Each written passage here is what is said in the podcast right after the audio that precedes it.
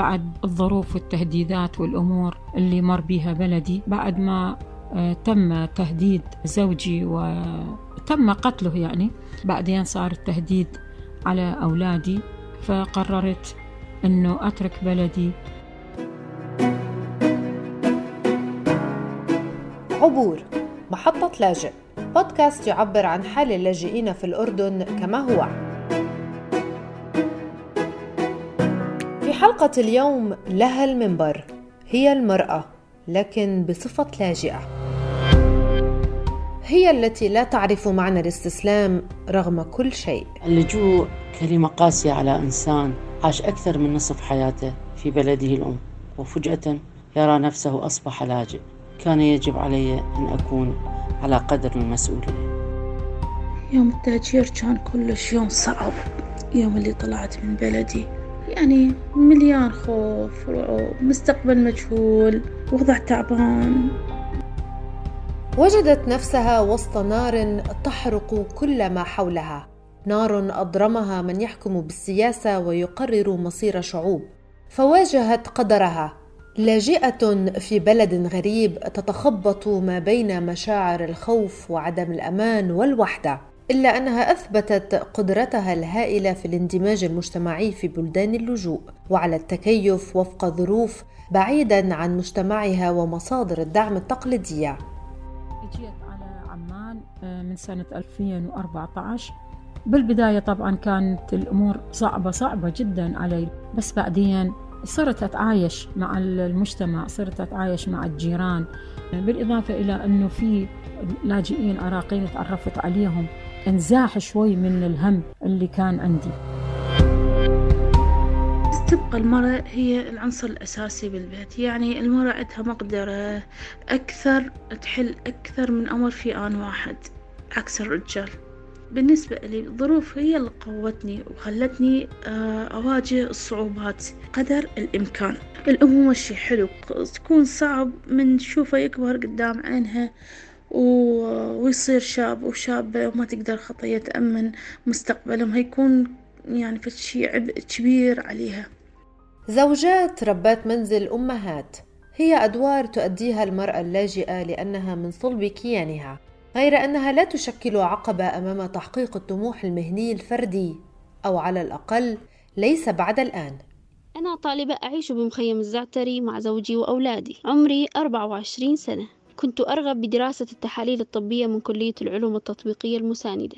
وبفضل الله وبحمده وبإرادتي وتصميمي تمكنت من دخول الجامعة ودراسة هذا التخصص الذي لطالما كنت أحلم به.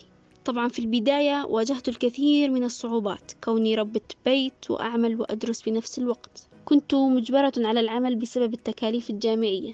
واجهت صعوبات وتحديات في التنظيم بين دراستي وعملي وبيتي وأولادي. ولكن رغبتي وإلحاحي في الحصول على شهادة جامعية كان يفوق كل الصعوبات التي كانت تواجهني. وأطمح في المستقبل أن أفتح مختبر طبي للتحاليل في بلدتي لأن بلدتي لا يوجد بها مختبرات طبية وأن أعمل فيه جاهدة وأن أخدم أبناء بلدتي وكل الناس. عايشة مع زوجي وأولادي. خريجة علوم تربوية قسم معلم صف. طبعا ما صح اللي أشتغل بمجال دراستي اللي هو التعليم. هالشي بيتبع آه، وبيخضع للقوانين المتاحة داخل المخيم بالنسبة للتعليم. حاليا عم بشتغل بمجال التدريب مع منظمة بتشتغل ضمن المخيم. وطموحي القريب جدا إن شاء الله هو دراسة درجة الماستر بنفس التخصص اللي هو التعليم. وعم بحاول أنسق بين بيتي وشغلي وطموحي الدراسي. آه، طبعا بدعم من زوجي. ما كان طموحي أني كفتاة عايشة في هذا المجتمع؟ أنه أتزوج مثل ما هو بده المجتمع. لا وإنما كان طموحي أكبر من هيك. في بداية مجيئي إلى المخيم حصلت على وظيفة. بعد مرور سنتين على شغلي حصلت على منحة دراسية. وكملت دراستي في أحد الجامعات الأردنية اللي هي جامعة الزرقاء. تخرجت بمعدل ممتاز. بحب أضيف على هذا الشيء إنه أنا كنت عاملة وكنت طالبة بنفس الوقت. كنت أنا لحالي بالمخيم ما كان حدا من أهلي جنبي.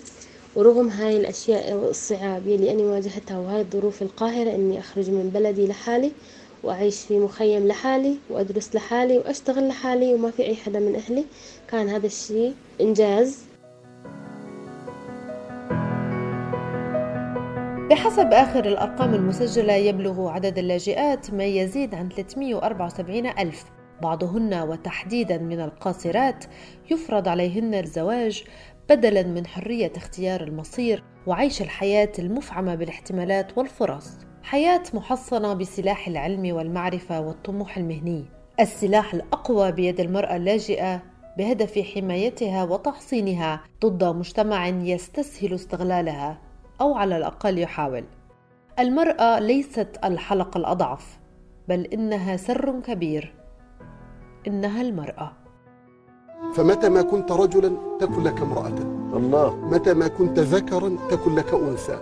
متى ما كنت ملكا تكن لك أميرة. متى ما كنت عاشقا تكن لك متيمة. فلا تكن لا شيء وتريدها أن تكون كل شيء. الله الله الله. أيها الرجل عندما تنفخ فيك الروح تكن في بطن امرأة.